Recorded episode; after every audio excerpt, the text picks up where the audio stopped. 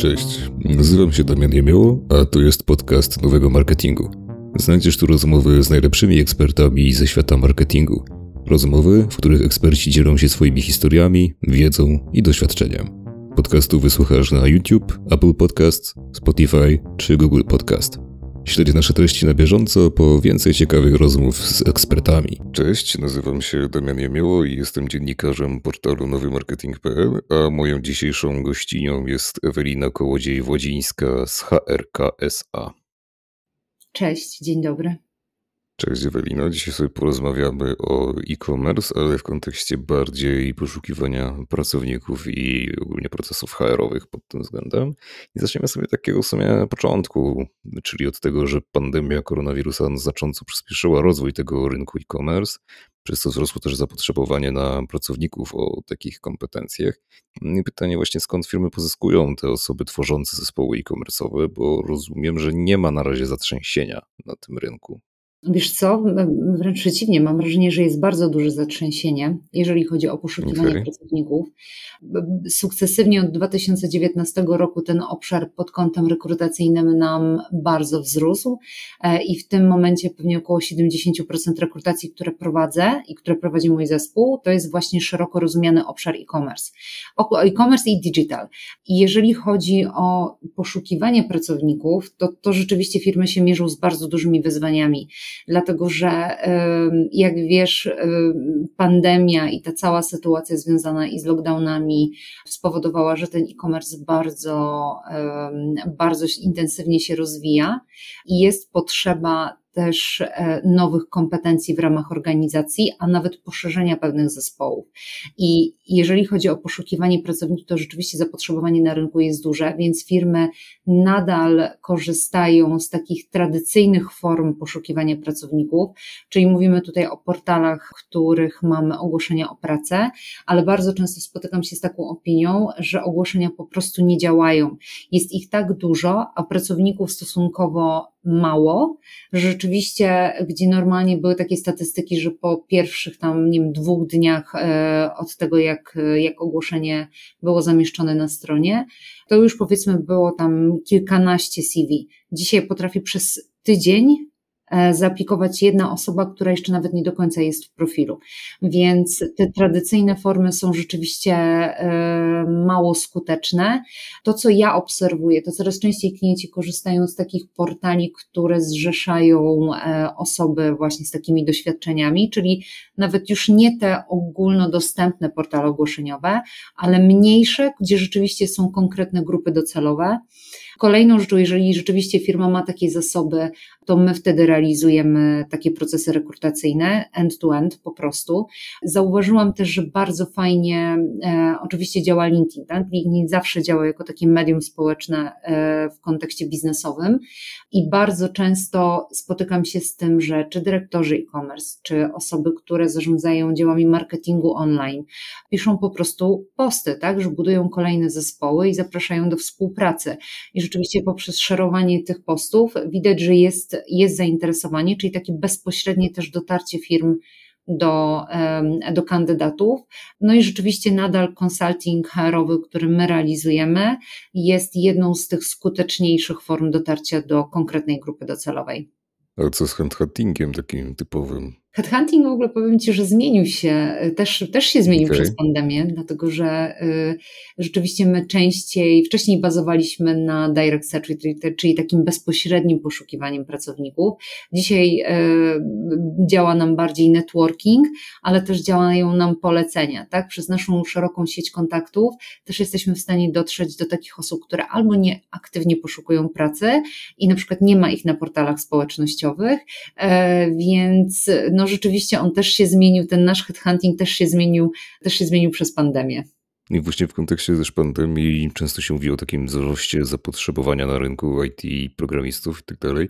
No i też często niejednokrotnie są związani z tym sektorem e-commerce, ale nie stoją tylko i wyłącznie za tym, bo tutaj też bym chciał zde, zdefiniować, to tak naprawdę jest tym pracownikiem e-commerce'owym i kogo tak naprawdę te firmy poszukują, bo podejrzewam, że tutaj też wchodzi w grę pracownicy o kompetencjach SEO, SEM i tak dalej. W jakimś konkretnym segmencie jest najwięcej wakatów? Rzeczywiście jest tak, że SAOSem nadal jest poszukiwany, ale mam wrażenie, że te dwa lata, odkąd, odkąd mamy pandemię, pewne role zyskały na znaczeniu. Okay. Dzisiaj SEMSA, ok, to, jest tak, to są takie kompetencje, które powinny być w firmie, ale to są też takie kompetencje, z których możemy um, outsourcować po prostu. Myślę, mi się wydaje, że teraz takim najbardziej gorącym tematem, jeżeli chodzi o obszar e-commerce'owy, to są wszystkie, y, wszystkie rekrutacje związane z user experience. I to jest taki temat, gdzie firmy rzeczywiście muszą cały czas patrzeć na te doświadczenia użytkownika, e, bo zobacz, Pandemia spowodowała to, że mamy w zasadzie między 2,19 a 2,20 prawie 35% wzrost sprzedaży w tym kanale.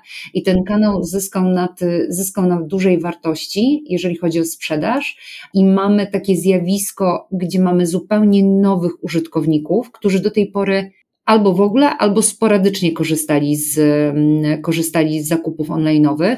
Dzisiaj mamy i nowych, i tych, których już mamy zlojalizowanych. I teraz jakby wyzwaniem e-commerce jest to, żeby pogodzić te dwa obszary, czyli nie zaniedbać klienta, który był z nami od zawsze, ale też zaopiekować tego nowego klienta, żeby jednak on wracał do nas, żeby miał dobre doświadczenia zakupowe. I rzeczywiście user experience jest takim tematem, który jest najczęściej poszukiwany przez, e, w tym momencie przez organizacje i myślę, że to się długo nie zmieni. Ale też pytanie, czy tego też nie da outsourcować do jakiejś agencji, do software house'ów. Czy zawsze taka firma, która gdzieś zajmuje się tym e-commerce'em, no musi mieć w swoim zespole specjalistę od user experience. Bo może po prostu właśnie tędy jest droga, że łatwiej i szybciej byłoby outsourcować te kwestie, niż rekrutować kolejnych pracowników. Tak, znaczy można, można to outsourcować, tylko pytanie, jaki wtedy jest proces decyzyjny, bo e-commerce wymaga w tym momencie podejmowania bardzo szybkich decyzji, wymaga czasami pewnie jakiegoś ryzyka, wymaga testowania i wygrywają te firmy, które się tego absolutnie nie boją. I teraz, jeżeli my to outsourcujemy, to pytanie, jaka jest wydajność firmy, z którą współpracujemy, więc to na pewno trzeba dość mocno zweryfikować. Więc pytanie, czy nie lepiej mieć tego wewnątrz organizacji i skrócić po prostu proces decyzyjny. No tak, to prawda. W sumie, jeśli chodzi o ten proces decyzyjny, to może mieć tutaj faktycznie dosyć duże znaczenie. To też zresztą widać w kontekście tego, że coraz więcej agencji na przykład, czy firm tworzy takie własne zespoły e-commerce'owe, które już nie są tak naprawdę jakimś takim pododdziałem zespołu marketingowego, prawda? I teraz e-commerce chyba przestaje być taki postrzegany jako taka nierozerwalna część tego marketingu, a staje się taką kompletnie osobną kategorią. Dokładnie tak. Coraz częściej to widzimy, że rzeczywiście e-commerce jakby od digitalu się, e, jakby nadal to są komórki, które muszą współpracować, tak? I nadal to są, to są elementy, które są nierozerwalne, e, ale widzimy, że coraz częściej te zespoły są rozdzielone. I to są duże zespoły. Potrafiły być taki, przed pandemią też obserwowałam takie zespoły, które nie w e-commerce były trzyosobowe, w digitalu znowu były dwie, trzy osoby, Dzisiaj potrafią to być 10 i 14 osobowe zespoły z różnymi kompetencjami. A wy pozyskujecie również dla takich firm dyrektorów właśnie od e-commerce'u? Również. I jakimi takimi konkretnie kompetencjami musi się charakteryzować taki wykwalifikowany e-commerce'owy menadżer? W sensie, co takiego potra musi potrafić zrobić? Właśnie chyba to, to odniosę się do tego, co, co wcześniej powiedziałam, że chyba musi mieć taką łatwość też podejmowania decyzji. Nie chcę nazywać tego ryzykiem, no bo to ryzyko ma taką negatywną konotację, ale musi rzeczywiście dopasowywać się do rynku. I bardzo się dużo mówi o tych metodach pracy agile'owych, i wydaje mi się, że te kompetencje, umiejętność takiego, takiej elastyczności, dopasowania się do zmieniającego się rynku, też reagowania, bo widzisz, w rekrutacji nie zawsze też te kompetencje możesz pozyskać z rynku, więc teraz musisz się znowu zastanowić nad tym, jak wykorzystać zasoby wewnątrz, albo właśnie jakie kwestie możesz wyoutsourcować, żeby to było wszystko efektywne. I ja mam wrażenie, że dzisiaj e-commerce nie ma czasu na zastanawianie się i nie ma czasu na, y, na, na, po prostu takie długie podejmowanie decyzji i przegrywa po prostu ten, który nie reaguje na zmieniający się rynek. Więc to dla mnie dzisiaj jest kluczowe, jeżeli chodzi o duże organizacje. Pewnie w mniejszych organizacjach jeszcze dodatkowo taka przedsiębiorczość i czasami praca na mniejszych budżetach i umiejętność sobie radzenia z tym też jest, też jest ważna. A właśnie jeśli już mówimy o tych organizacjach, to jakie konkretnie przedsiębiorstwa korzystają z waszej pomocy? Czy to, to jest bardziej sektor MŚP, kto poszukuje właśnie tych zespołów i no, pracowników zespołów e-commerce'owych, czy może tak jak wspominałeś, duże organizacje raczej? Duże i średnie organizacje ale mamy też takich klientów, którzy na przykład zaczynają e, swoją przygodę w e-commerce albo już prowadzą sklep e-commerce'owy, mają mały zespół, e, są na przykład do, doinwestowani przez różne instytucje i zaczynają po prostu budować ten e-commerce. Więc w zasadzie to powiedziałabym, że mamy bardzo szeroki przekrój klientów dzisiaj jak ich pozyskujecie? Czy to są osoby, które się do Was jakoś same zgłaszają, czy korzystacie z jakiejś, mm, form, jakiejś formy marketingu, lead generation? Jak, jak to wygląda dokładnie? Mówisz w kontekście pozyskiwania klientów, czy... Tak, pozyskiwania klientów, właśnie organizacji, które się do Was zgłaszają, bo potrzebują stworzyć zespół e-commerce'owy. No jedna droga to jest aktywne pozyskiwanie po prostu klientów i bycie w tym rynku. E, z drugiej strony przez taką rozbudowaną sieć kontaktów i nasze doświadczenia, czyli x, x jakby zrealizowanych projektów rekrutacyjnych, też e, kandydaci nam ufają i bardzo często kandydaci stają się po prostu naszymi klientami. Więc, e, więc to też jest taka forma, która, która bardzo fajnie działa i myślę, że częściej niż takie już bezpośrednie dotarcie do klientów. Czyli bazowanie po prostu na naszym doświadczeniu. Otóż tutaj też wspominaliśmy o tym właśnie, że pandemia spowodowała przyspieszenie tego rozwoju rynku e-commerce i teraz jest po prostu troszeczkę więcej wakatów niż tak naprawdę pracowników, tylko pojawia się kwestia taka, że nie każdy tę rewolucję e-commerce'ową mam wrażenie, że przetrwa, bo tak jak wspominałaś, tutaj się liczy bardzo mocno tempo i nadążanie za tymi zmieniającymi się potrzebami konsumenckimi. Też podejrzewam, że to Eldorado może nie trwać wiecznie i nastąpi prędzej czy później jakiś odpływ e, klientów po prostu z tych mniej zaangażowanych e-commerce'ów. Pytanie też, czy to nie spowoduje trochę zalewu osób o takich kompetencjach e-commerce'owych, czy to pod względem UX, czy pod względem SEO. I czy wtedy po prostu faktycznie nie stanie się tak, że będzie więcej pracowników niż wakatów? Myślę, że to nam nie grozi. Badania pokazują, że ten rynek e-commerce średnio będzie rósł około 12% rok do roku. Poza tym są jeszcze takie branże, które mają przed sobą raz, że dużo pracy, dwa, że pokazują też um, taką tendencję rosnącą, na przykład dom i ogród. Do tej pory dom i ogród to była mhm. taka kategoria, że rzeczywiście e, jak chciałeś kupić m, ławkę do domu, nie wiem, cokolwiek, tak, co jest związane z domem i ogrodem, to raczej jechałeś do sklepu przez taką niepewność też tych sytuacji, znowu klienci zaczęli korzystać z online. Okazało się, że można, więc na przykład to jest taka kategoria, która, która myślę, że w następnych latach będzie bardzo mocno, bardzo mocno rosła. Nie obawiałabym się tego wzrostu, bo uważam, że jakby nadal jest dość dużo wakatów jak na liczbę pracowników. Wiesz, kiedyś była taka sytuacja, wspominam te czasy, jak zaczęłam rekrutować obszar związany z social mediami. Wtedy to była okay. w ogóle nowość, e, nowość na rynku polskim. Bardzo trudno było pozyskać osoby, które mają na przykład kompetencje menedżerskie jakby w tym obszarze social mediów. I też wtedy słyszałam takie opinie, że to jest, że to będzie, że to nie będzie aż tak rosło. Okazuje się, że urosło i jak ja zaczynałam rekrutować, to byli sami specjaliści z rocznym, półtora rocznym doświadczeniem w social mediach. Dzisiaj już mamy całe struktury marketingowe związane z social mediami i z influence marketingiem, więc nie sądzę, żeby nam to też groziło w obszarze e-commerce'u. Znaczy na pewno też jest, tak jak mówisz, tutaj jeszcze troszeczkę jest przestrzeń do gospodarowania tego e-commerce'u, na pewno w branży też takiej ogólnie mm, żywnościowej, tutaj na myśli i grocerii oczywiście, tak. że cała motoryzacja, tak, no bo motoryzacja nadal jest bardzo słabo zdigitalizowana tak naprawdę w tych obszarach to z pewnością, ale właśnie tutaj też chciałem dopytać, jaki jest ogólnie profil tych kandydatów e-commerce'owych, to znaczy wiesz, często w, czy to w obszarach HR, czy też po prostu w tym świecie bardziej IT, no to krążą takie stereotypy, czy też może archetypy tych pracowników, że to są programiści bardzo często właśnie mid czy seniorzy, czy już tacy naprawdę specjalizowani eksperci, że to są troszeczkę takie płatki śniegu, znaczy osoby, które mają dosyć duże wymagania względem organizacji, dla której chcą pracować. Nie tylko finansowe, ale też po prostu takie dotyczące trochę dostosowywania się do ich rytmu pracy, czy też na przykład tego, że oni chcą pracować zdalnie, bądź chcą prowadzić taki żywot cyfrowego nomada.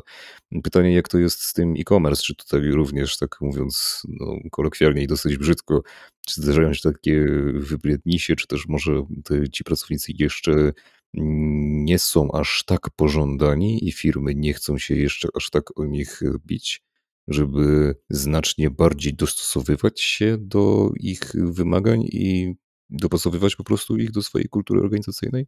Myślę, że są bardzo wymagani. Znaczy, to się rzeczywiście zrobił, ten obszar e-commerce zrobił się bardzo porównywalny do obszaru IT.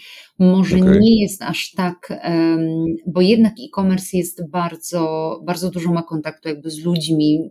Ja zawsze miałam takie wrażenie, że IT jest takie bardziej zamknięte, więc, więc tu jest bardzo dużo takich kompetencji sprzedażowych, marketingowych i ogólnie w ogóle biznesowych, więc mm. rzeczywiście takie osoby są bardzo poszukiwane dzisiaj na rynku. Mam wrażenie, że w związku z tym, że jest nadal rozwój tego e-commerce'u, to w każdej firmie są wyzwania i teraz bardzo trudno jest też takiego pracownika pozyskać do kolejnej organizacji. Naprawdę musi to być ciekawy projekt, ciekawe wyzwanie, coś, co rzeczywiście będzie takie, powiedziałabym, sexy dla pracownika, e, żeby, żeby podjął rękawice i wziął udział w, nie wiem, chociażby projekcie rekrutacyjnym, a później zdecydował się na zmianę pracy. Więc rzeczywiście oni są bardzo mocno poszukiwani w tym momencie. Więc tak, to jest trochę taki rynek, który, który, który jest podobny do IT, mam wrażenie. I widzisz, że dzięki temu te organizacje, które tworzą, które się właściwie opierają na tych na przykład zespołach e-commerce'owych, że one są bardziej dynamiczne, jeśli chodzi o tworzenie mm, struktury czy kultury organizacyjnej, bo ja to na przykład zauważam w software house'ach, że to są organizacje takie często dosyć, no, brzmi to bardzo sztampowo, ale dynamiczne faktycznie tylko naprawdę są dynamiczne, a nie tylko tak mają napisane w ogłoszeniach o pracę. Yes. To, znaczy, to znaczy, że właśnie tę swoją kulturę, czy też po prostu struktury dosyć szybko zmieniają, dostosowują się. Na przykład otwierają się na pracę zdalną mocno, albo na cyfrowy nomadyzm, czy też na taką właśnie integrację na tym polu, czy po prostu, wiesz, takie działanie również na rzecz zapewnienia dobrobytu swoich pracowników, nie tylko w kontekście takim finansowym, ale też na przykład psychicznym czy fizycznym. I pytanie, jak to wygląda od tej strony e-commerce'owej, czy tutaj również się to tak szybko zmienia i dostosowuje do tych nowych właściwie potrzeb pracowników? Czy jeżeli firmy tego nie robią, to na pewno tracą na tym. I teraz okay. masz, to jest bardzo szerokie pytanie, które mi zadałeś, dlatego że trzeba by było zacząć analizę od tego, też jaki organizacja ma kapitał, na ile wpływ centrala, na przykład, która jest w innym, innym kraju, e, ma wpływ na podejmowanie decyzji. Najszybciej rozwijają się rzeczywiście te organizacje, które mają pełną decyzyjność, i rzeczywiście one są bardzo dynamiczne. Jeżeli rzeczywiście tutaj mamy centralę, która nam blokuje pewne rzeczy, albo mamy, nie wiem, wyoutsourcowane IT, albo mamy e, IT w innym, innym kraju, tak, albo analitykę mamy w innym kraju, to ta dynamika nie będzie aż tak wysoka wtedy, bo po prostu podejmowanie decyzji będzie rozciągnięte w czasie i, i, i nie będzie to powodowało, że możemy szybciej się rozwijać. Wiesz co, też tutaj się pojawia taka kwestia dotycząca tego, że w zasadzie nie każda firma chce lub może prowadzić sklep internetowy i część z nich sprzedaje tylko na przykład za pośrednictwem marketplace'ów takich jak Allegro bądź Amazon, albo po prostu równocześnie prowadzą swój sklep internetowy i sprzedaż tam. Tak na przykład się dzieje z Morelami, które aktywnie działają na Allegro, pomimo tego, że są jednym z najstarszych tak naprawdę e-commerce'ów, jeśli chodzi o sprzęt elektroniczny, artefakty VAGD w Polsce i czy specjaliści od takich platform również są gorąco poszukiwani? Zauważasz, że na przykład, że zgłaszają się do Was klienci, którzy mówią, że potrzebujemy po prostu ekspertów od Allegro, od Amazonu, od tego typu marketplace'ów? Chyba nie powiedziałabym, że są gorąco poszukiwani. Są poszukiwani, ale największy rozwój marketplace'u to był ten moment 2017-2018, więc to był ten moment, kiedy rzeczywiście firmy już sobie y, porekrutowały takie osoby. Te osoby raczej nie jest to taka grupa bardzo rotująca, więc rzeczywiście są nadal poszukiwani, ale nie powiedziałabym, że to jest taki gorący temat, nie? I wiesz, też pandemia przez to, że wymusiła do nas troszeczkę tę pracę zdalną, no to w przypadku e-commerce myślę, że się pojawia taki, no troszeczkę niemały problem, zwłaszcza w tym obszarze pracowników, którzy operują gdzieś tutaj danymi i pieniędzmi klientów. Wiem, że często firmy, które przetwarzają sporo tych danych, no, rezygnują z pracy zdalnej, przynajmniej właśnie dla pracowników, którzy z tymi danymi pracują. Nie zawsze, ale to się zdarza. Jak to wygląda w tym naszym polskim e-commerce? Czy pracują tacy pracownicy bardziej zdalnie, czy jednak stacjonarnie? W zależności od organizacji. Myślę, że te firmy, które prowadziły okay. sklepy e-commerce'owe też przed pandemią, e, musiały zadbać po prostu o ochronę danych e, klientów, o ze wszelkie zabezpieczenia, więc e, ten moment przejścia na pracę zdalną nie był dla nich trudny, więc ja słyszę, że dość często ci pracownicy pracują jednak z domu i jest to, jest to praca e, w trybie home office ale bardzo różnie to jest rozwiązane przez klientów. Albo hybrydowo, albo wszyscy się decydują na pracę w biurze z jakimś tam elementem home office'u.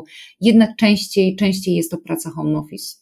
I pytam o co też dlatego, że w waszym raporcie Rekrutacja 2021 wskazaliście, że dla przykład dla 33% milenialsów brak pracy zdalnej jest takim elementem, przy którym odrzucają po prostu ofertę. No domyślam się, że to oni mogą dominować w tym sektorze e-commerce'owym. To raczej są bardziej młodzi ludzie, tak? Tak, rzeczywiście jakby wśród tych młodych osób ta praca zdalna jest już czymś, już nie jest benefitem, tylko jest yy, stałym elementem pracy, ale ja to też obserwuję wśród osób, które mają dużo większe doświadczenie, że jednak ten tryb pracy home office e, spowodował, że wszyscy się już do tego przyzwyczailiśmy, że też praca potrafi być okay. efektywna. Powiem Ci, że w kontekście też firm e-commerce'owych, które czasami borykają się z trudnościami rekrutacyjnymi, jakby przejście na pracę home office i otworzenie się też na na osoby, które pracują zdalnie, daje większe możliwości też zamknięcia procesów rekrutacyjnych. Bo czasami jest tak, że firma ma centralę w Warszawie i, e, i wtedy może zatrudniać kogoś, kto przykładowo pracuje we Wrocławiu mhm. i pracuje zdalnie, pojawia się kilka razy w miesiącu w biurze i, i mamy wtedy, wiesz, wtedy mamy możliwość też efektywnej współpracy, a niekoniecznie zamykamy się tylko, tylko na rynek y, warszawski, nie? No i właśnie już tutaj też mówimy o tych benefitach, też może bardziej wymaganiach. To mnie ciekawi, jak ogólnie to wygląda dla tego sektora e-commerce'owego. Czy zauważyłeś jakiś taki powtarzający się schemat wśród tych pracowników, czego najczęściej potrzebują? Poza oczywiście takimi standardowymi kwestiami. To mają jakieś bardziej takie specjalne wymagania? Chyba nie. Te wymagania aż tak bardzo się nie zmieniły. I ja mam takie poczucie, że jakby z racji tego, że te dwa lata były dość intensywne w e-commerce, to nadal e, najczęściej chyba wymienianym elementem, którym poszukują e, te osoby, to są wyzwania i to są takie firmy, które rzeczywiście nie boją się testować, nie boją się wdrażać różne rozwiązania. I dzisiaj, jak ktoś ma rzeczywiście wyzwania w swojej organizacji, no to nie jest otwarty na to, żeby zmieniać. Chyba, że znowu mm. mamy jakiś super projekt, nie wiem, wchodzi nowa platforma do Polski, która się będzie, która wiemy, że już będzie się super rozwijała, e, albo pobudowanie nowego e-commerce'u, w ogóle postawienie czegoś od, e, od podstaw. To są takie tematy, które, które dzisiaj są tymi tematami hot, powiedziałabym. Czy wy jako HRK SA zajmujecie się też takim budowaniem i układaniem struktur organizacyjnych, czy tylko i wyłącznie pomagacie po prostu w pozyskiwaniu tych pracowników i wdrażaniu ich? Wiesz co, pomagamy też w budowaniu struktur, pomagamy, bardziej doradzamy jakby, gdzie pewne kompetencje można umieścić, okay. bo ja się spotykam z tym, że czasami te kompetencje są mylone, tak? że performance digital jakby nie, jakby jest uważany jako, jako, jako to samo, tak?